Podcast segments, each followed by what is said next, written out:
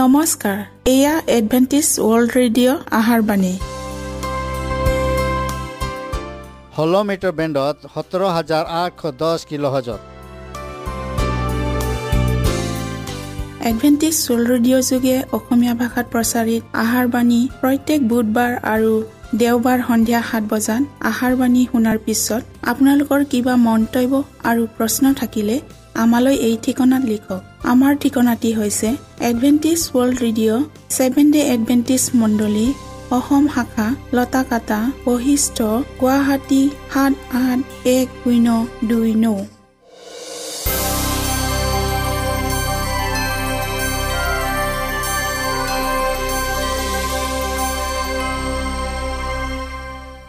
প্ৰিয় শ্ৰোতা বন্ধুসকল এতিয়া শুনো আহক এটি খ্ৰীষ্টীয় ধৰ্মীয় গীত।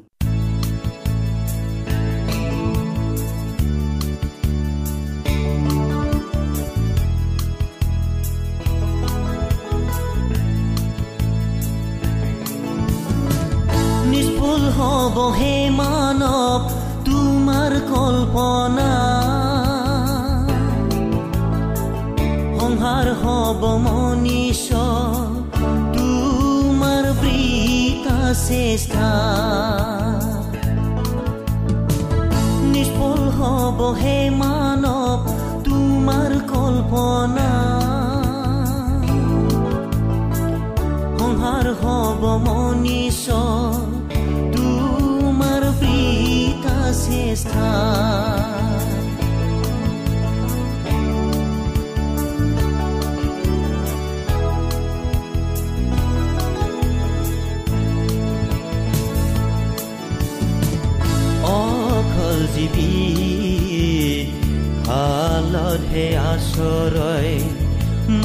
মনীষ বাবে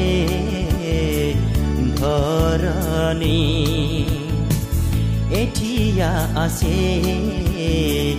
এতিয়া জিনা মনীষ জাতি জীৱন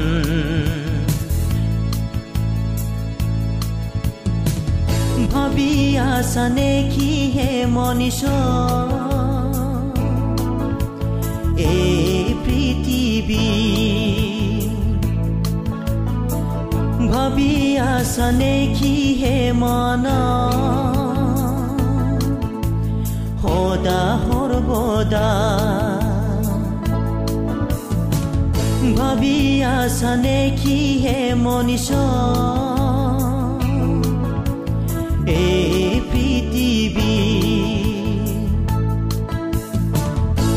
আছানে কি হে মন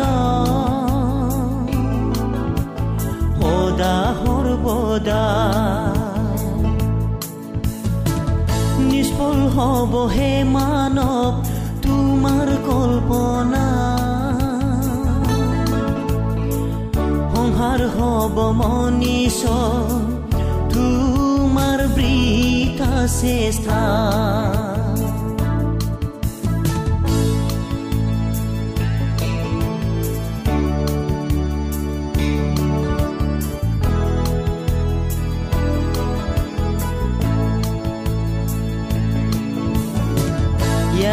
যে নহয় ভাপ থাকিবলৈ আত্মা জাগ্ৰত হৈ থাকিবলৈ হে। ইয়া যে নহয় ভাপ থাকিবলৈ আত্মা জাগ্ৰত হৈ থাকিবলৈ হে। পাই থাকিবলৈ সময় আহি যিচুলৈ বাট চাই টকা সময় আহিল। সাৰ পাই থাকিবলৈ সময়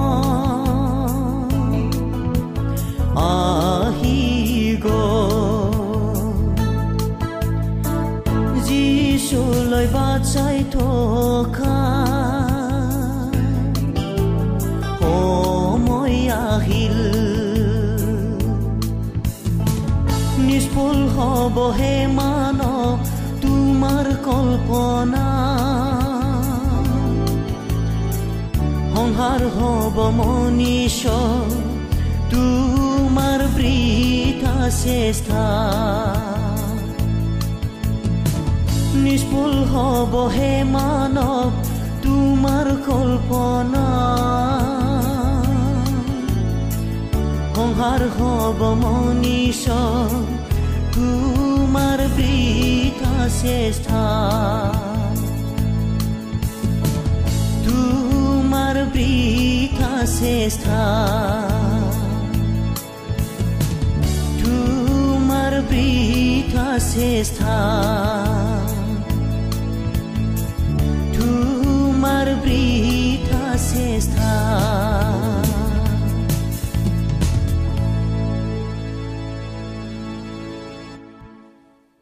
প্ৰিয় শ্ৰোতা বন্ধুসকল আহক আমি খন্তেক সময় বাইবেল অধ্যয়ন কৰোঁ হওক।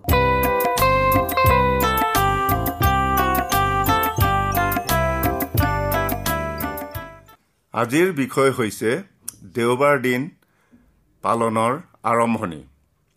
দেওবাৰ দিন পালনৰ আদি আৰম্ভণি ক'ত? এই প্ৰশ্নই আজি বহুতৰ মনত চাঞ্চল্যৰ সৃষ্টি কৰিছে। পূৰ্বৰ প্ৰচলিত শনিবাৰ অৰ্থাৎ সপ্তাহৰ সপ্তম দিনৰ জিৰণি বা বিশ্ৰাম দিনৰ সলনি কেনেকৈ দেওবাৰ দিনটো গোটেই জগতত সকলো জাগতিক কাজ কৰ্মৰ পৰা জিৰণি লোৱাৰ প্ৰথা হ'ল? এই প্ৰশ্নৰ উত্তৰ বহুতে বিচাৰে। এই তথ্য বিচাৰি পোৱাটো কঠিন নহয়। সৃষ্টিৰ সপ্তাহৰ সপ্তম দিনা ঈশ্বৰে স্ৰজন কাৰ্যৰ পৰা বিৰত হৈ তেওঁ শেষ কৰা কাৰ্যকলাপ সকলোখিনি আনন্দ আৰু সন্তোষেৰে দৃষ্টিপাত কৰিলে। তেতিয়া তেওঁ সপ্তম দিনৰ ওপৰত আশীৰ্বাদ বৰষাই পবিত্ৰ কৰিলে আৰু মানুহৰ বিশ্ৰাম দিন স্বৰূপে তেওঁ এই দিনক পৃথক কৰি ৰাখিলে। ঐশ্বৰিক ইচ্ছা আৰু ঘোষণাৰ দ্বাৰাইহে দিন এটা পবিত্ৰ হ'ব পাৰে। দেওবাৰে এনে ৰূপ কোনো বিশেষ পবিত্ৰতাৰ দাবী কৰিব নোৱাৰে। সপ্তাহৰ আন পাঁচোটা দিনৰ যি সাধাৰণ পবিত্ৰতা আছে তাৰ উপৰি কোনো বিশেষ পবিত্ৰতা দেওবাৰৰ ওপৰত মানুহে দিব নোৱাৰে। যীশুৱে যেতিয়া কৈছিল যে বিশ্ৰামবাৰ মানুহৰ নিমিত্তে হ'ল যিহুদী জাতিৰ নতুবা কোনো এক বিশেষ জাতিৰ কাৰণে নহয় কিন্তু সকলো মানৱ জাতিৰ কাৰণে যিহেতু সপ্তম দিনৰ বিশেষ পবিত্ৰতা দেওবাৰত কেতিয়াও আৰোপ কৰিব পৰা নাযায়। এই প্ৰবন্ধটোত ইয়াৰে বিষয়ে আলোচনা কৰা হৈছে। অৰ্থাৎ দেওবাৰ দিন পালনৰ আৰম্ভণি ক'ত? দানিয়েল ভাওবাদীয়ে কৈছিল মই সেই শিঙলৈ মন কৰি থাকোঁতেই সেইবোৰৰ মাজত আৰু এটা সৰু শিং ওলাল আৰু তাৰ সাক্ষাতে পূৰ্বৰ শিংবোৰৰ তিনিটা উঘলা হ'ল। সেই শিঙৰ মানুহৰ নিচিনা দুটা চকু আৰু বৰ বৰ কথা কোৱা এখন মুখ আছিল। তেওঁ আগৰবিলাকতকৈ বেলেগ হ'ব। তেওঁ তিনিজন ৰজাক নট কৰিব। তেওঁ সৰ্বোপৰি জনাৰ অহিতে কথা ক'ব। সৰ্বোপৰি জনাৰ পবিত্ৰবিলাকক দুখ দিব। নিৰূপিত সময় আৰু ব্যৱস্থা সলনি কৰিবলৈ মন কৰিব। আৰু এক কাল দুই কাল আৰু আধা কাললৈকে সেইবিলাকক তেওঁৰ হাতত সোধাই দিয়া হ'ব। যি ব্যৱস্থা সৰু শিংটোৱে পৰিৱৰ্তন কৰিবলৈ চেষ্টা কৰিব সেয়ে যে ঈশ্বৰৰ ব্যৱস্থা ইয়াত কোনো সন্দেহ নাই। কিয়নো তেওঁ কাৰ্যবোৰ ঈশ্বৰৰ আৰু পবিত্ৰবিলাকৰ অৰ্থাৎ ঈশ্বৰৰ লোকবিলাকৰ অহিতে কৰা হয়। গতিকে ই সুনিশ্চিত যে তেওঁ ঈশ্বৰৰ আজ্ঞা সাল সলনি কৰিবৰ চেষ্টা কৰে। তেওঁৰ ধৰ্মলৈ মতি আছে। প্ৰকৃততে ই ধৰ্ম আৰু ৰাজনৈতিক সংশ্লিষ্ট এটা যুটীয়া শক্তি। আন দহোটা শিঙৰ দৰে ই কেৱল ৰাজনৈতিক ক্ষমতাই নহয় ভৱিষ্যতবাণীত এইদৰে প্ৰকাশ পাইছে। তেওঁ নিৰূপিত সময় আৰু ব্যৱস্থা সলনি কৰিবলৈ মন কৰিব। তেওঁ পবিত্ৰ বিশ্ৰামবাৰৰ ঠাইত দেওবাৰক জিৰণিৰ দিন বুলি ব্যৱস্থা কৰি দিয়াৰ এই ভৱিষ্যতবাণী ফলিয়াইছে। সৰু শিংটো যি বিশেষ শক্তিৰ উদাহৰণ সেই শক্তিক চিনাক্ত কৰিলেই আমি পৰিষ্কাৰকৈ দেখা পাম যে ঈশ্বৰৰ নিৰূপিত বিশ্ৰামবাৰৰ পালনৰ দিন দেওবাৰলৈ সলনি কৰি ঈশ্বৰৰ বিধানৰ ওপৰত হস্তক্ষেপ কৰা এই গুৰুত্বৰ অপৰাধী কোন? ভাৱবাণী মতে প্ৰকাশিত হৈছে যে এই সৰু শিংটো এখন ঈশ্বৰ নিন্দাকাৰী নিৰ্যাতনকাৰী ক্ষমতাশালী ইউৰোপীয় ৰাজ্য। আৰু ৰোমৰ লগত ইয়াৰ নিচেই ওচৰ সম্বন্ধ আছে। এক কাল দুই কাল আৰু আধা কালৰ সময়ত হৈছিল। সেই কালত ইউৰোপত পুপীয় শাসন ক্ষমতাৰ আধিপত্য আছিল। আন ঠাইত এই কালটো এক হাজাৰ দুশ ষাঠি দিন বা বছৰ বুলি প্ৰকাশ পাইছে। বাস্তৱিকতে পাঁচশ আঠত্ৰিছ খ্ৰীষ্টাব্দৰ পৰা সোতৰশ আঠানব্বৈ খ্ৰীষ্টাব্দৰ ভিতৰত এক হাজাৰ দুশ ষাঠি বছৰেই হয়। এইদৰে প্ৰিয় শ্ৰোতা বন্ধুসকল আমি অনুসন্ধান কৰি তিনিটা সিদ্ধান্ত কৰিছোঁ। দানিয়েলে দৰ্শন পোৱা হিংটো পুপীয় ক্ষমতা। এই সম্প্ৰদায়ে আপোনাৰ ঐশ্বৰিক ক্ষমতা দাবী কৰি সীমা অতিক্ৰম কৰিছে। আৰু ঈশ্বৰৰ ব্যৱস্থাপক সপ্তম দিন অৰ্থাৎ বিশ্ৰামবাৰ পালনৰ পৰিৱৰ্তে জগতব্যাপী দেওবাৰ দিন পালনৰ ব্যৱস্থা কৰাৰ অপৰাধী এই উক্ত সম্প্ৰদায়ে।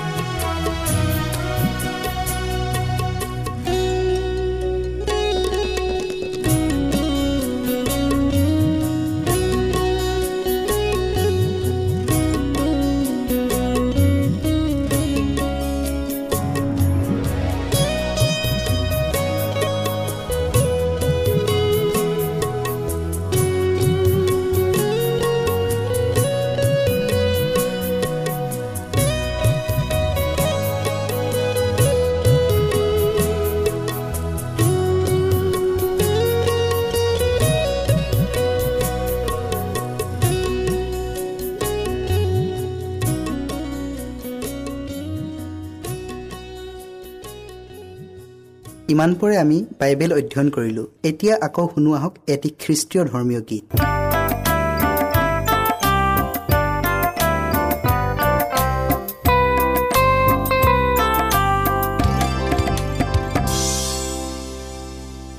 আমি আলোচনা কৰা এই আচৰিত পৰিৱৰ্তন কেনেকৈ হ'ল? বিবাদ মিট মাত কৰিবলৈ গৈ এই সলনি হ'ল। খ্ৰীষ্টীয় যুগৰ চতুৰ্থ শতাব্দীত ৰোমিঅ সাম্ৰাজ্যত যেতিয়া খ্ৰীষ্টীয় ধৰ্ম ৰাষ্ট্ৰধৰ্ম হ'ল তেতিয়া ই আটাইৰে প্ৰিয় হৈ উঠিছিল। তথাপি অন্যান্য অখ্ৰীষ্টিয়ান ধৰ্মৰ লগত প্ৰতিদ্বন্দ্বিতা কৰি চলিবলগীয়া হৈছিল। খ্ৰীষ্টীয় ধৰ্মই মিথ্ৰাইজিমৰ সৈতে বিশেষৰূপে প্ৰতিযোগিতা চলাবলগীয়া হৈছিল।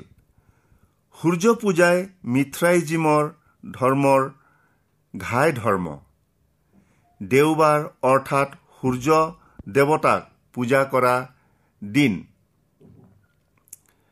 অখ্ৰীষ্টিয়ানবিলাকক খ্ৰীষ্টিয়ান ধৰ্মলৈ আকৰ্ষণ কৰিবৰ কাৰণে ৰোমৰ বিশ্বপ আৰু খ্ৰীষ্টিয়ান মণ্ডলীৰ নেতাসকলে এটা আপোচ মিটমাতৰ ব্যৱস্থা কৰিবলৈ যত্ন কৰিছিল।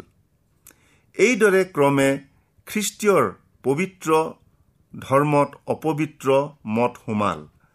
দেওবাৰ দিনেই খ্ৰীষ্টীয় ধৰ্মত সোমোৱা প্ৰথম অধৰ্ম। সম্ৰাট কণ্টেষ্টাইনে তিনিশ একৈছ খ্ৰীষ্টাব্দত দেওবাৰ দিন পালন কৰিবলৈ বুলি চৰকাৰী আইন জাৰি ঘোষণা কৰে। বিশ্ৰাম দিন পালন অৰ্থাৎ দেওবাৰলৈ ক্ৰমান্বয়ে আহিছিল।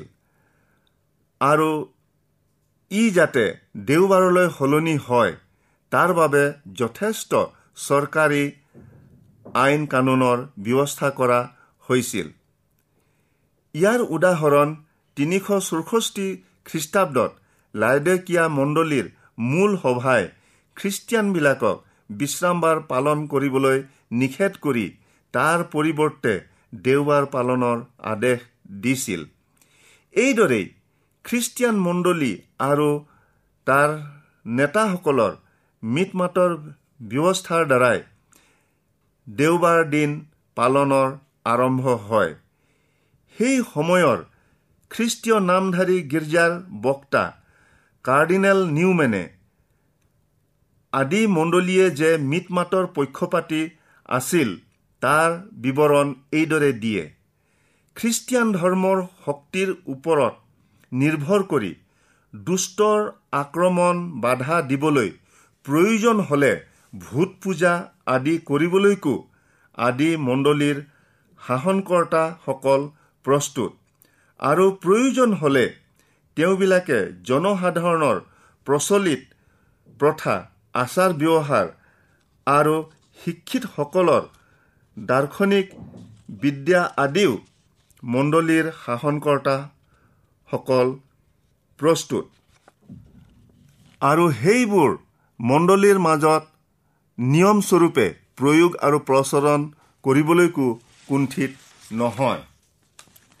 কিন্তু বাইবেলৰ আদি পুস্তকৰ পৰা প্ৰকাশিত বাক্যলৈ পঢ়িলেও ক'তো এষাৰিও বাক্য পোৱা নাযায় য'ত দেওবাৰ দিন পবিত্ৰ বুলি মান্য কৰিবলৈ আদেশ দিয়া হৈছে।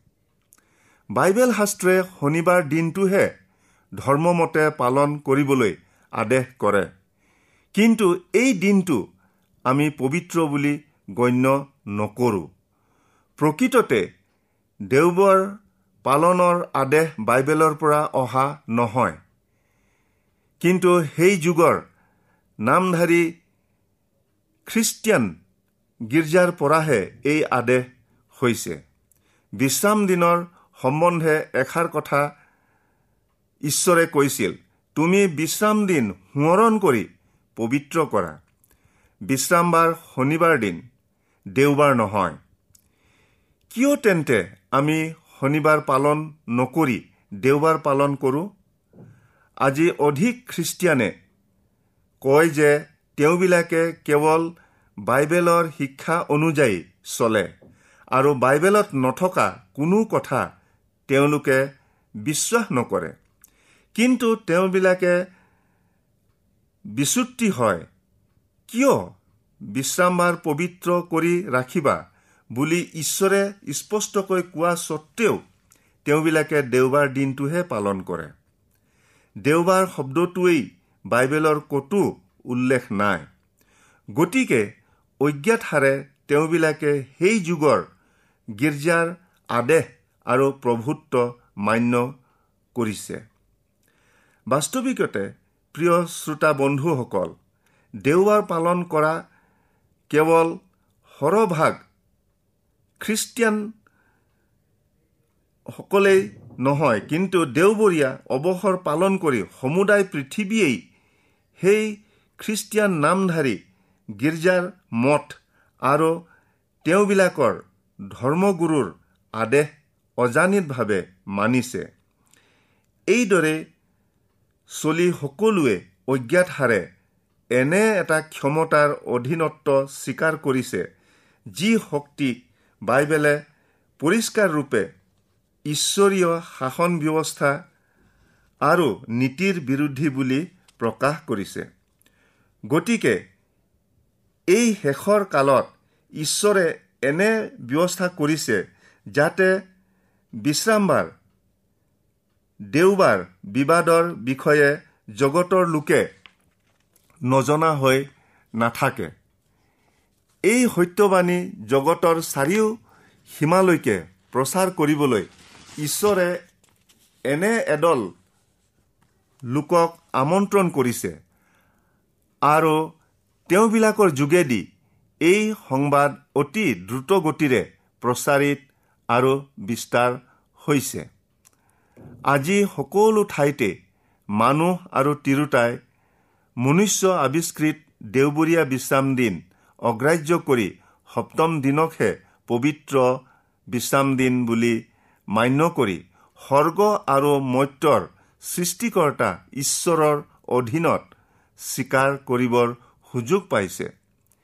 এই বিষয়টো সামান্য বুলি অৱহেলা কৰা উচিত নহয়। ই কেৱল এটা বিভিন্ন খ্ৰীষ্টিয়ান সম্প্ৰদায়ৰ মাজত দুটা দিন লৈ ধৰ্ম সম্বন্ধীয় মতভেদৰ বাকযুদ্ধ বুলিয়েই ভাবিব নালাগে।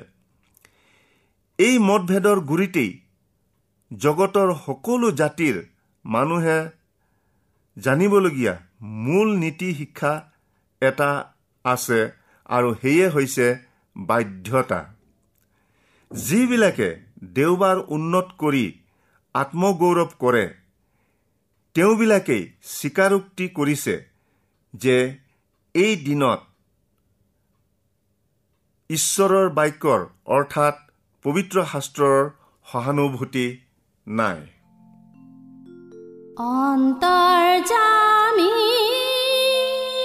প্ৰভু